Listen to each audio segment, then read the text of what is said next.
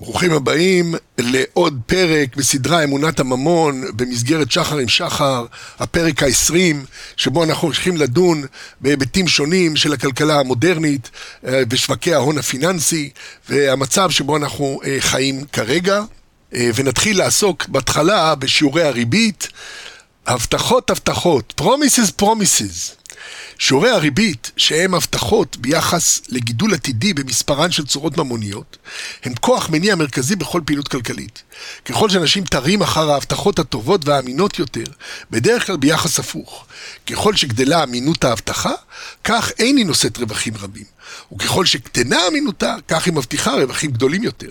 הממשלות, בכל מקום, הן בעלות החוב האמינות ביותר. אם ממשלת ארצות הברית מבטיחה לך ריבית קבועה של 2% על איגרת חוב, תוכל לסמוך על כך שתקבל בעתיד את 2% הללו. אך אם איגרת חוב מסחרית מגובת משכנתה מציעה לך 10%, נו, תוכל לסמוך על כך בתקופת פריחה.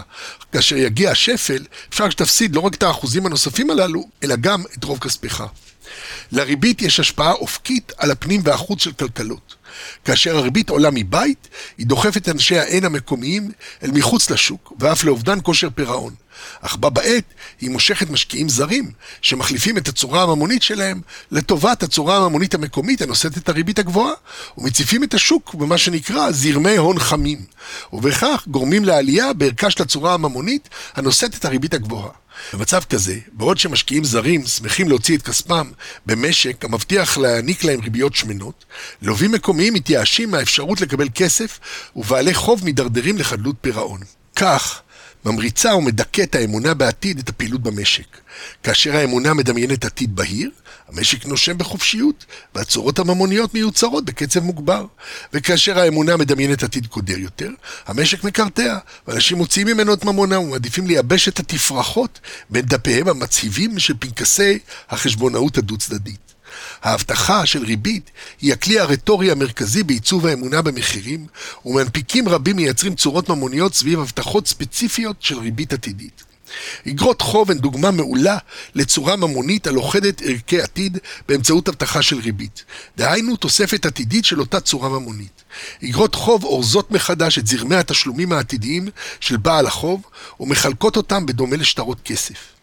למרות שאיגרות חוב הן צורות מופשטות לחלוטין, הן דומות לצורות מוחשיות יותר במובן זה שקונים ומוכרים אותן בצורות מטבע.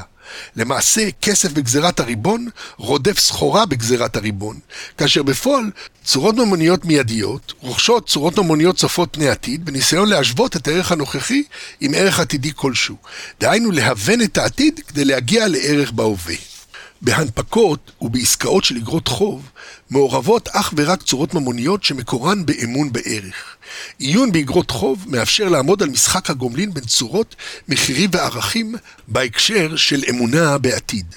לאגרות חוב יש מקום חשוב בהעברת הבעלות המקורית על כסף לתוך המשק. את ממשלות יוצרות אגרות חוב מחד וכסף מאידך, ומחליפות אגרות חוב בממון באופן שדוחף כסף מיידי לתוך המשק בתמורה להתחייבות לעתיד. אגרות חוב ממשלתיות הן אמצעי טוב להיוון העתיד בהווה, משום שמרכיב ההימור שבהן מתקזז אל מול הסיכון הנמוך שהממשלה לא תפרע את חובה, ובכך יוצרות עתיד שניתן לסמוך עליו. בעיקר משום שאותה סמכות המגבה את צורות האג"ח הממשלתיות, היא זו שמגבה גם את צורות המטבע הממשלתיות. הבה נעיף מבט קרוב יותר בצורה הסימבולית של האג"ח, תוך שימוש בדוגמה המצוינת שמספק טים בנט ממאניוויק, שמדבר על כך בסרטון ביוטיוב. כוונת האג"ח היא לשמש כבטוחה להלוואה, אך בטוחה זו אינה אלא ההבטחה של מוסד אמין לשלם. כך למשל, ממשלה מנפיקה אג"ח שמחייבת אותה לשלם סכום מסוים לבעלים של האג"ח בעתיד, בתמורה לכמות מסוימת של צורות ממוניות בהווה. הממשלה מקבלת את כספך, ואתה מחזיק בנכס, שאינו אלא התחייבות הממשלה להחזיר לך את כספך בתוספת ריבית. קיומן של אגרות חוב מבוסס על האמונה בהבטחה לשלם, של סמכות אמינה, שניתן לסמוך עליה שתקיים את הבטחתה. תחת עינן הפקוחה של סוכנויות הדירוג כמובן. במשבר של 2008 התברר שהבטוחה האמיתית הייתה למעשה העל דברתן של סוכנויות הדירוג, שלא הייתה אלא הבטחה שההבטחות יקוימו, אך נוסחה בסימבולוגיה בעלת הנופך האובייקטיבי של שלוש אותיות עם סיומת של פלוסים ומינוסים, כדי להעניק לה ברק נאה של אמינות. בדוגמה שלהלן, ערך הצורה של איגרת החוב נקבע כ-100, בעוד שמחיר המכירה הראשוני שלה הוא 113. כך שכל מי שקונה את איגרת החוב במחיר 113, יודע שביגיע מועד הפידיון הוא יקבל 100. אז אם כך, יש לנו איגרת חוב ממשלתית בריבית קבועה, זה מתוך אמונה בעתיד, הם מאמינים שיקבלו 5%. הערך הפנימי, הערך שהוא משתנה, הוא 113. מחיר השוק הוא גם מחיר משתנה, יכול להיות 113, והשווי הנקוב, צורה הקבועה 100. טים בנט מצביע את ההסבר הבא עבור צורת השווי הנקוב של האג"ח. חישבו עליו כמו קניית ירקות. מדובר בקילו גזר, עבורי, עבור החלבני, עבור כולם, המחיר נתון למשא ומתן. העובדה שמדובר בקילו גזר, לא. אגרות חוב עובדות כך, הערך הסימבולי הוא 100, אך מחיר השוק יכול להיות שונה. כלומר, הערך הנקוב הוא 100, זה הצורה, ויש את השווי שזה 113, שזה עכשיו מה שמתנודד בשוק. כאן ניתן לראות בצורה הברורה ביותר כיצד בהיעדר, כיצד בהיעדר בירור המבחין באמונות המחוללות את הישים הכלכליים, נוצר ערבוב מונחים עמוק בין הצורה החיצונית הקבועה, המחיר הנקוב או הנומינלי של האגרת חוב, לבין ערכה ומחירה המשתנים תדיר. צורת סחורה כמו בננה, וצורות סימבוליות של מכשירים פיננסיים כמו אגרות חוב, מניות, והממון המשמש לרוכשם, בנויות כולן על פי אותה תבנית, משום שעבור בני האדם המציאות כבר מזמן נספגה בנומינלי, בשמותיהם של הדברים, המאפשרים להם לתפוס את מקומם בתודעה הסובייקטיבית והבין-אישית כאחד. כאשר אומרים בננה, הרי זו הבננה הרעיונית, התווית הלשונית הנומינלית הממשיגה בננה. כך שבמובן זה ניתן לומר שתווית הכינוי בננה, הניתנת לסחורה כלשהי בעלת קליפה צהובה, היא הצורה של הבננה ולא הבננה כשלעצמה. דהיינו הדבר כשהוא לעצמו הקנטיאני, על פי האסכולה הגורסת שיש דבר כזה, שהרי יש אנשים שאוכלים בננות. גם הצורות הסימבוליות הן ישויות מדומיינות בתפקידן ככלי קיבול הערך השוכן בהן, וכמכלים שניתן לייחס להם את המחיר. כך, מה שנסחר ומוחלף כצורה הוא המושג השמני של הבננה.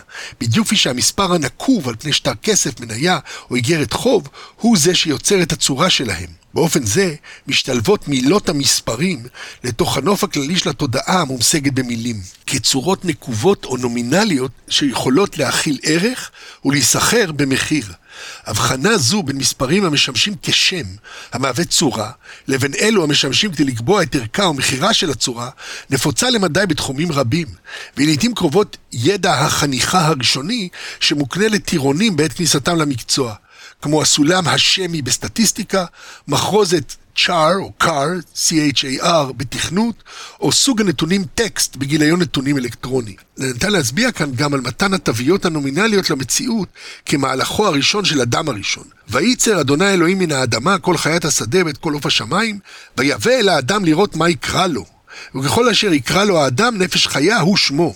ויקרא האדם שמות לכל הבהמה ולעוף השמיים ולכל חיית השדה. זה בראשית א' י"ט כ'. כלומר, ראשית האנושיות זה היכולת לתת שמות, כמובן השפה, יכולת להמשיג באופן סימבולי מציאות ריאלית.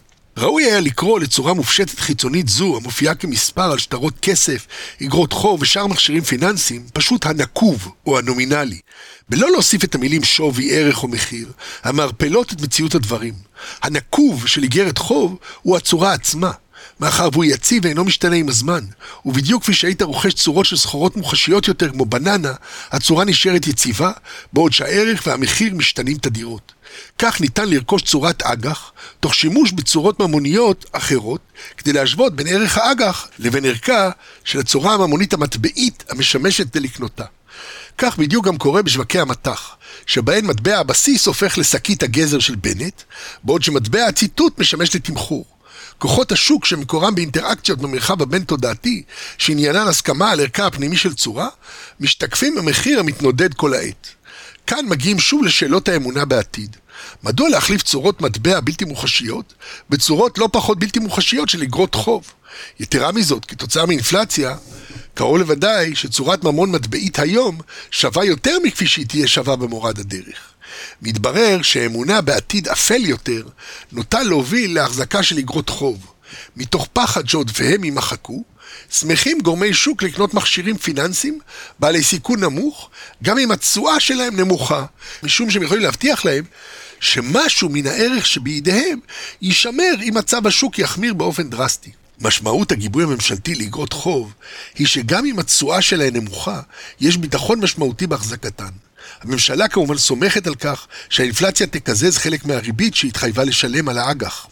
דרך אחת לנתח את ערכן של אגרות חוב בסביבה פיננסית משתנה תדיר, היא לבחון את עקומות התשואה שלהם. בנט מגדיר את עקומות התשואה כדרך לדעת מה שוק האג"ח הבין-תודעתי חושב במרכאות על האקלים הכלכלי.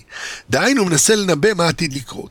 ובכך כמובן משפיע על מה שעתיד לקרות בדרך הרגילה שבה הבין-תודעתיות תמיד מכוננת את עצמה. עקומת התשואה מכוונת אל עבר העתיד בנסותה לאמוד את השווי הנוכחי המהוון של צורת האג"ח על בסיס הציפיות ביחס לעתידה. עוגן אחד של ציפייה הוא האמון בממשלות. אין ציפייה רווחת שממשלה כמו ארה"ב או בריטניה לא תפרע את חובותיה. לכן אגרות החוב הן הימור קטן יותר, משום שהציפייה לקבל את הנקוב שלהן במועד פירעונן מבוססת יותר. אכן, נקוב זה הוא אחד ההבדלים המשמעותיים בין אגרות חוב למניות, משום שהאחרונות מסתפקות בהקמת הצורה באמצעות שם המניה בלבד, או בשווי נקוב זעיר כל כך שהוא זניח, כך שהסימבוליות שלו ברורה בעליל. אגרות חוב נוטות לנוע באותו כיוון כמו צורות מטבעיות. למעשה, ניתן לראות באגרות חוב מעין צורות שמכילות צורות. הן נקובות במחירים של צורות מטבעיות, כך שאם יש פיחות או תיסוף המטבע, או הוא משפיע על הנקוב של איגרת החוב בעת הפדיון. אמנם הריבית השנתית המשולמת על איגרת החוב, הקופון, עשוי לקזז תנועה זו. החישוב של מחירים ריאליים תמיד מתבצע מנקודת ההווה אל העתיד, בניסיון להקפיא את ההווה לתוך העתיד. כדי שעמולת השוק לא תשפיע עליו.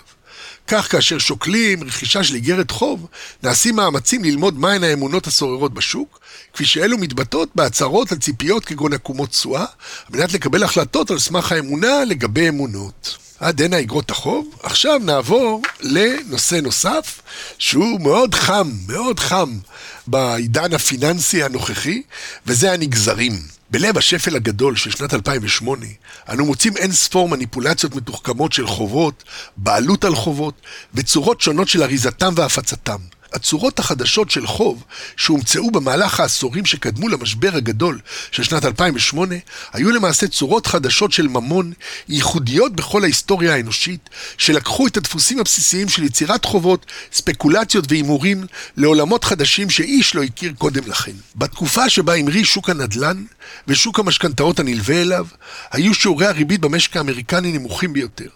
משמעות הדבר הייתה שבנקים מסחריים העניקו כמויות אדירות של כסף זול למטרות צריכה, כשהוא ארוז במגוון צורות אשראי, החל ממשיכות יתר נדיבות וכלה במשכנתאות.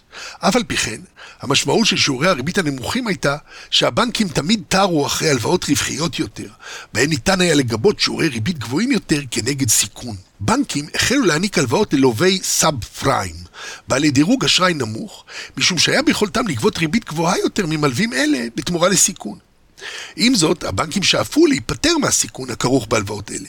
הם פתרו את הבעיה באמצעות אריזה מחדש של הלוואות אלה כהתחייבויות מגובות בשעבוד. דהיינו, אגרות חוב המבוססות על משכנתאות כגיבוי, שנודעו בשם CDO. אג"ח אלה, ששילבו בין משכנתאות טובות לגרועות, נקראו מגוונות, וסוכניות דירוג אשראי כמו Standard and Poor's שיתפו פעולה והעניקו לכל החבילה דירוגי אשראי גבוהים. באופן זה העבירו הבנקים את הסיכון מהמאזנים שלהם על ידי מכירתו להמון גדול של משקיעים אנונימיים, ברובם מוסדיים, שחיפשו דרכים להפיק רווחים גדולים יותר בשוק ששררו בו שיעורי ריבית נמוכים. ניתן לראות שמדובר בשדרוג מתוחכם של הדרך בה מייצרת המערכת הבנקאית כסף חדש יש מאין.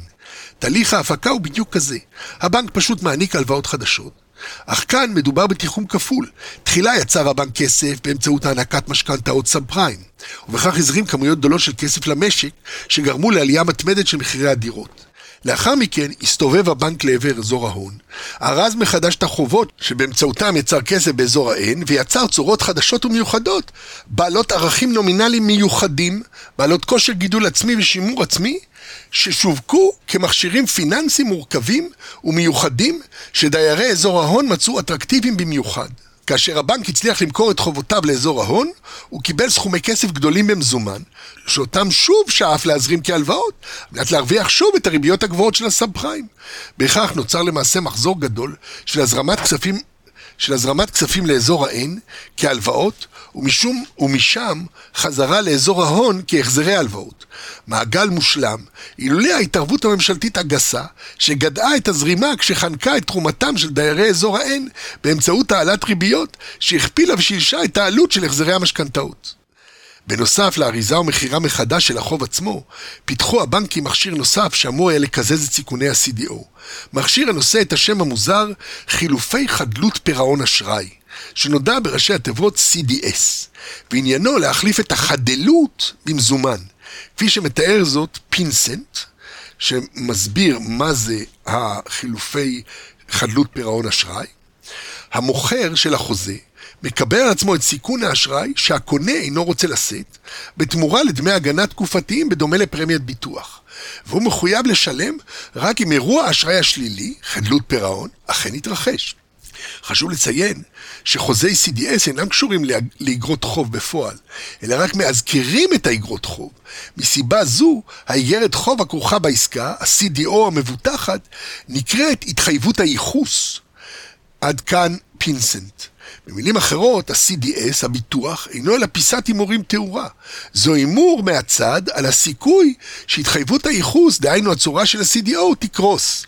מכשיר זה שילב בין תכונתו של ביטוח כחוב מהופך, לבין צורה של הימורים על תוצאה, ומכר תמורת הפרמיה שגבה כיסוי ביטוחי שייכנס לתוקף במקרה של חדלות פירעון של ההלוואות הארוזות ב-CDO, ובאופן זה יצר תשתית אמונית מרגיעה ביחס לספקות כלשהם בנוגע לערך ולתוקף של ה-CDO עצמו. בעסק המבוסס על אמון ואמינות, ה-CDS שימש כביטוח על טעות מתוחכם, שכן גם אם טעית, לא טעית.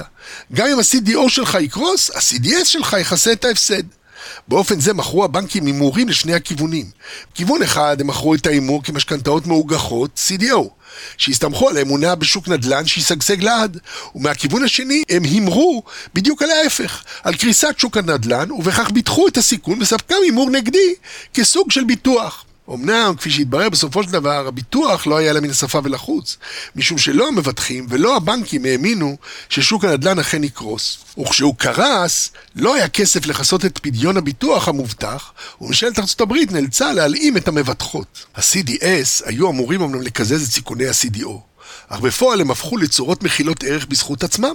משום שגם הם נמכרו כשטרות למוסר כתב זה, שטרות למוכז, ושימשו כצורות מטבע בזכות עצמם. המהלך כולו היה עטוף בהלכי רוח חשבונאיים, משום שהוא נראה מצוין בחשבונאות דו-צדדית. את הפלוסים של ה-CDO התקזזו בצורה נאה עם המינוסים של ה-CDS ולהפך, ובזאת איפסו את הסיכון לכל הכיוונים. למעשה, בפועל, בממשי, הסיכון הוכפל, בעת שהוא פוצל בין שני סוגים שונים של מכשירים, שהיו תמונות ראי, חוב נושא ריבית וביטוח נושא פרמיות. משום שמחזיקי החוב עדיין נשאו באותו סיכון של חדלות פירעון, ואותו סיכון עצמו נישא עתה גם בידי מבטחים שאימרו נגד אותה חדלות. כאשר במקרה של חדלות בפועל, כפי שאכן קרה בשנת 2008, החשיפה בלעה לא רק את מי שהחזיק באג"ח זבל במרכאות, אלא גם את מי שביטח אותן. אכן חלק משמעותי מקריסת המערכת הייתה קריסתם של המבטחים, כפי שמסכמת עמדאו בתמציתיות. ביום שלישי, 16 בספטמבר 2008, הכריז הבנק הפדרלי שהוא מתכוון להציל את ענקית הביטוח העולמית AIG מקריסה. הבנק הפדרלי העניק לחברה הלוואה בסך 85 מיליארדי דולרים בתמורה ל-79.9% מהון הבעלים של החברה, בכך למעשה הלאימה ממשלת ארצות הברית את חברת הביטוח AIG. AIG נשארה ללא מזומנים בעקבות מאמציה לשלם את כל חילופי חדלות פירעון האשראי, שהנפיקה כנגד אגרות חוב מגובות משכנתאות, שעכשיו הגיעו אכן לחדלות פירעון. עד הנה עמדהו. אם נחזור לשרשרת אירועי הקריסה, הרי שמרגע שהבנקים המסחריים יצרו את המערך הרווחי הזה, זרם המזומנים הסימבולי הבלתי פוסק ממש התחנן להפיק רווחים. דהיינו שילוו אותו ללווים נוספים תמורת ריבית נוספת. בנוסף לכך, אג"ח מסוג CDO הפכו לכל כך פופולריות בקרב משקיעים מוסדיים שהיו רעבים למכשירים נושאי ריבית גבוהה, שהם הפעילו לחץ בלתי פוסק על הבנקים לספק להם עוד ועוד משכנתאות ארוזות מחדש. כיצד יכלו הבנקים לסרב לביקוש מפתה כל כך, כאשר תעריפי הריבית היו ברצפה, וערימות המזומנים הלכו וגאו כשיטפון שוליית הקוסם? צריך לזכור שכל הממשות של כל העסקאות הללו, כל המערכת הזאת שטרפה את חייהם של מיליונים, של העולם כולו, אינה חורגת מתודעתם של אנשים. מחוץ לזנבות שהשתלשלו לתוך הממשי, כמו בתים שאנשים גרו בהם בפועל, הכל היה על הנייר, ולמעשה בתודעות בלבד. המשכנתאות, הריביות, המכשירים הכלכליים, ה-CDO, ה-CDS, ההימורים, הביטוחים, החילופים, לא היה שם דבר אחד שהממשות המקסימלית שלו לא הייתה הדפסתו על נייר. כאשר רוב הזמן הצורות הווירטואליות הללו פשוט ריצדו על צגים ותו לא. העסקאות, החתימות, הסיכונים, ההימורים וההבטחות, הכל נשאר בסימבולי. למרבה הצער, לא כל מה שקורה בסימבולי נשאר בסימבולי. כי את המחיר משלמים בממשי, והאנשים שאין להם שום גב בסימבולי ומשוקעים באופן מלא בממשי, הם כמובן דיירי אזור ה-N. כל המערכת הזאת נשענה על רשת תמיכה עבה של אמונה. כולם האמינו בערכו של הנדל"ן, שתפקד בצורה דומה מאוד לזהב בתקופות קדומות. כלומר, כצורה יקרה מאוד שקשה להזיז אותה, אך היא משמשת כבסיס להנפקתם של שטרי חוב שונים למוכז, שמקבלים חיים משל עצמם ונסחרים באופן בלתי תלוי, כשהם מגובים לא רק בהבטחות ביטוח כמו CDS, אלא גם סוכניות דירוג שונות המעניקות את חותם האמינות שלהן למכשירים הפיננסיים השונים, תוך הסתמכות על ההלוואות בעלות הדירוג הגבוה תוך הסתמכות על ההלוואות בעלות הדירוג הגבוה שנכללו בחבילת ה-CDO לצד ההלוואות הפחות בטוחות. מספר האנשים שחשבו להסתכל לתוך החבילות השתווה פחות או יותר לאלו שהתעקשו בימי קדם להיכנס למרתפי הבנקים כדי לבדוק שם אם הזהב אכן נמצא. כל עניינו של הכסף בבנק הוא האמון בבנק. איש אינו בודק את איכות שיניו של הסוס הסימבולי הזה.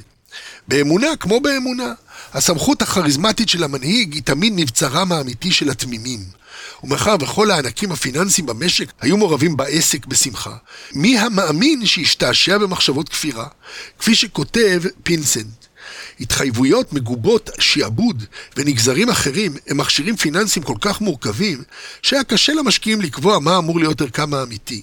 כתוצאה מכך, משקיעים שילמו כל מה שהמוכר ביקש, תוך הסתמכות על המוניטין המעולה שלו.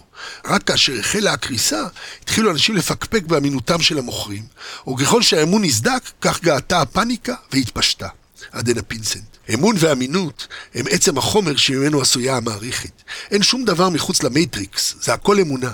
וכל זמן שהמאמינים מחזיקים באמונתם ושום ערעור חיצוני, שום פלישה מונגולית או גלילאו גלילי ספקני, אינם קורעים את המארג של הסימבולי, הכל ממשיך לפרוח ולשגשג.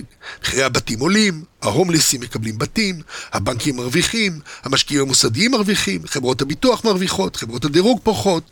בעולם הסימבולי הנישא על כנפי האמונה, כל דבר יכול לעלות ללא גבול. כל זמן שזעזועים חיצוניים כפרניים אינם עושים יותר מדי גלים. במרכז המערכת עומדת האמונה בעתיד וההימורים עליו.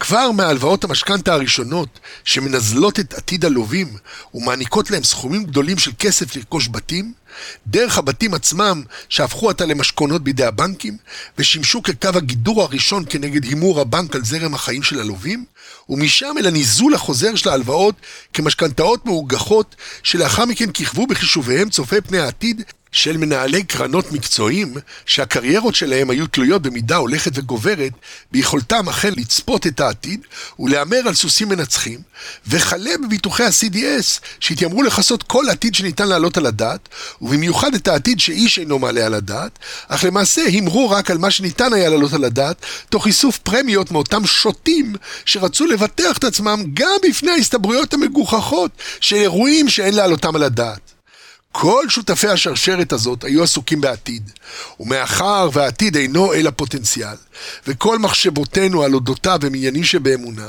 נוצרת סביבה מושלמת עבור צמיחתו של הסימבולי.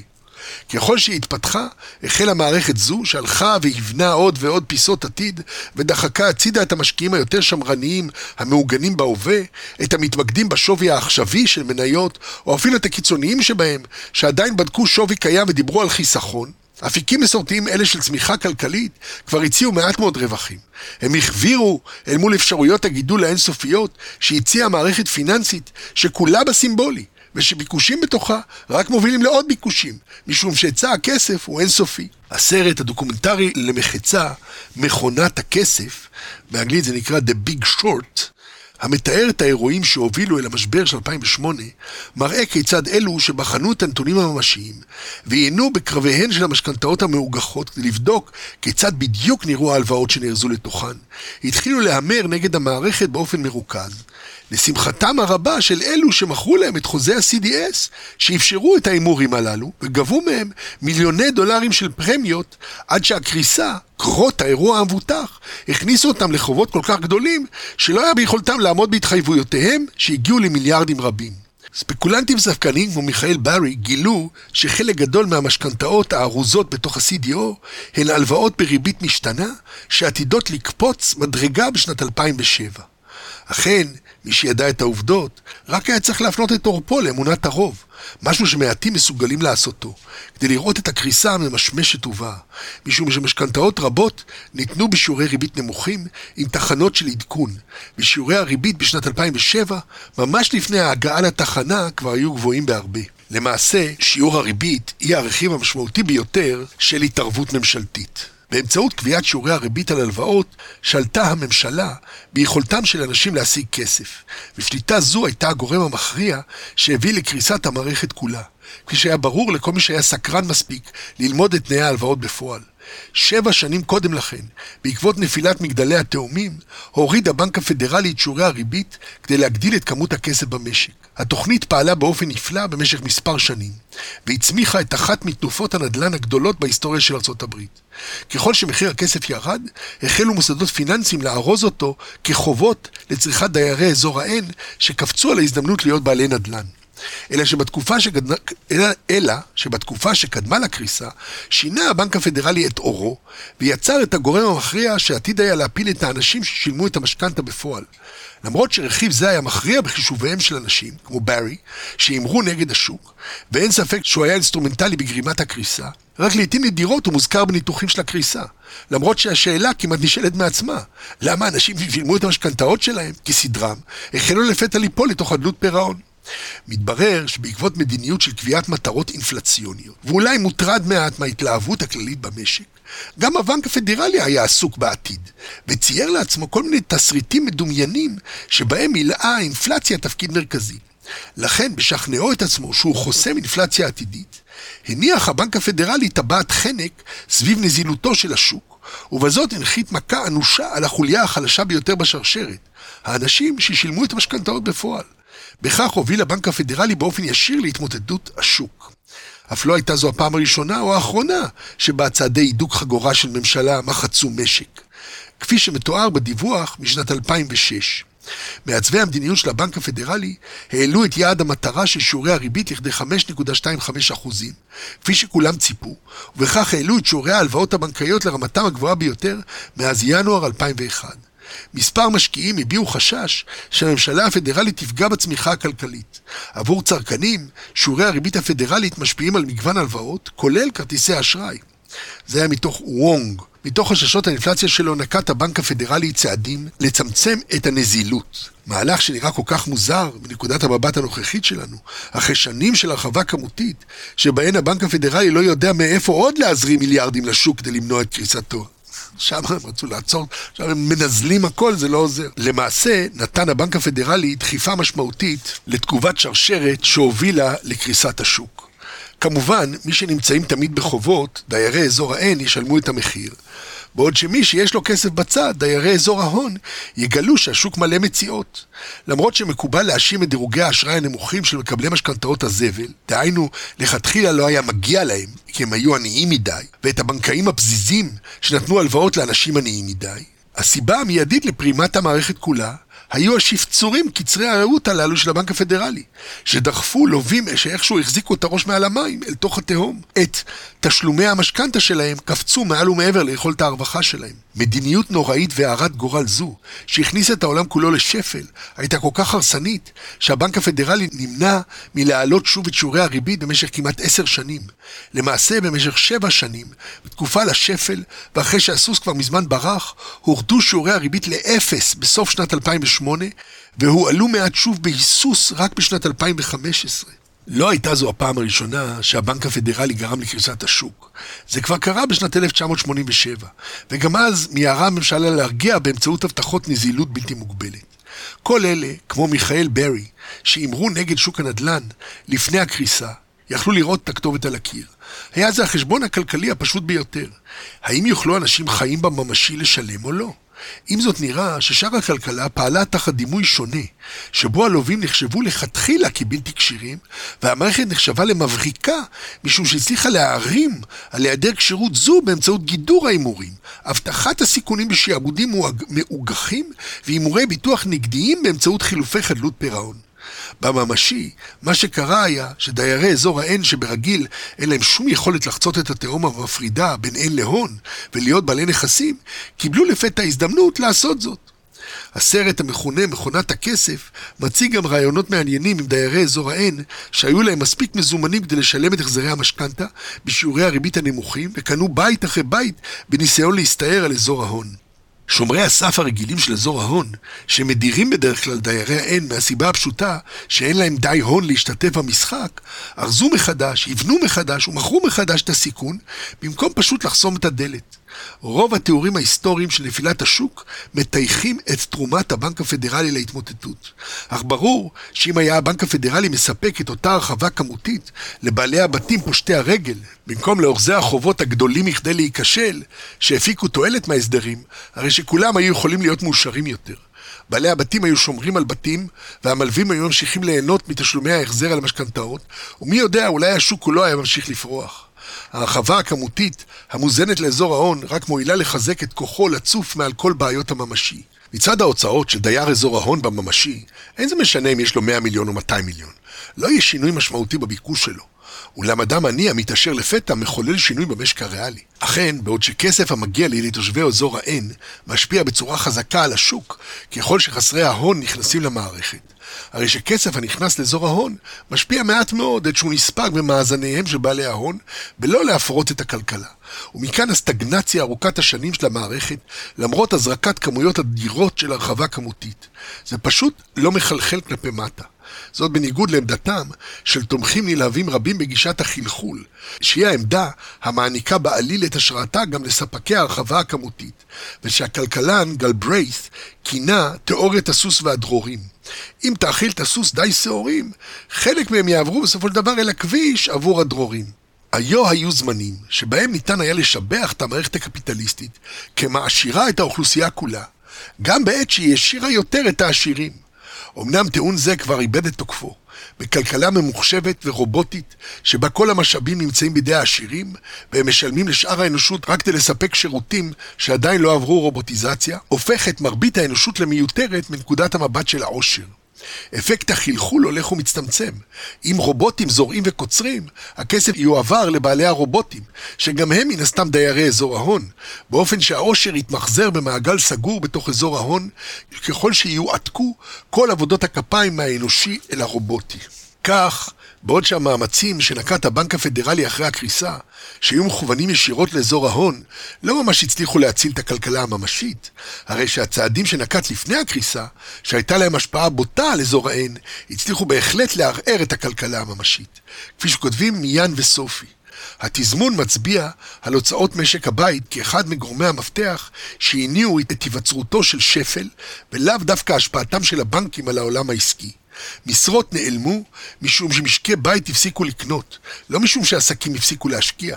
למעשה העדויות מצביעות על כך שהירידה בהשקעות עסקיות הייתה תגובה לירידה מסיבית בהוצאותיהם של משקי בית. אם עסקים לא מצאו ביקוש למוצריהם, כמובן שהם מקצצים בהשקעה. עדנה מיאן וסופי. כפי שכותבת פרינס, אם אי פעם שאלתם את עצמכם למה שווקי ההון תמיד עולים, אך מצבכם הפיננסי האישי לא מתנהג באותה דרך? אתם לא לבד, ואתם לא משוגעים. יש כוחות המזינים שווקים פיננסיים על חשבון ערעור הכלכלה הריאלית. בעולם שמרביתנו מאכלסים, אנשים נאבקים לשלם תשלומים שהולכים ומתייקרים, ועובדים שעות ארוכות כדי להחזיק מעמד. יש תהום פעורה בין הלחץ המתמיד לכסות את צרכי היסוד של החיים, לבין השיכרון של השווקים הפיננסיים. שם משגשגים המיליארדרים. שתי הקבוצות היו יכולות להיות ביקומים נפרדים. הפער העצום בין הכלכלה הפיננסית לכלכלה הריאלית ניתן להגדרה כעיוות קבוע. זה אינו ביטוי קל, תהום פעורה בין צמיחה כלכלית, משכורות ורמת חיים סבירה, לבין צבירת הון אדירה, מונעת שווקים, שבמהלך מגפה עולמית משתקת, הצמיחה כמעט 500 מיליארדרים חדשים בשנת 2020 בלבד. מיליארדר חדש נולד כל 17 שעות, והפער הזה הוא קבוע, עד הנה פרינס. אז אה, בנימה גמומית זו, בנימה הגמומית משהו זו, אנחנו מסיימים את הפרק ה-20 בסדרה אמונת הממון במסגרת שחר עם שחר, ואתם מוזמנים להצטרף אליי לפרקים נוספים להשתמע.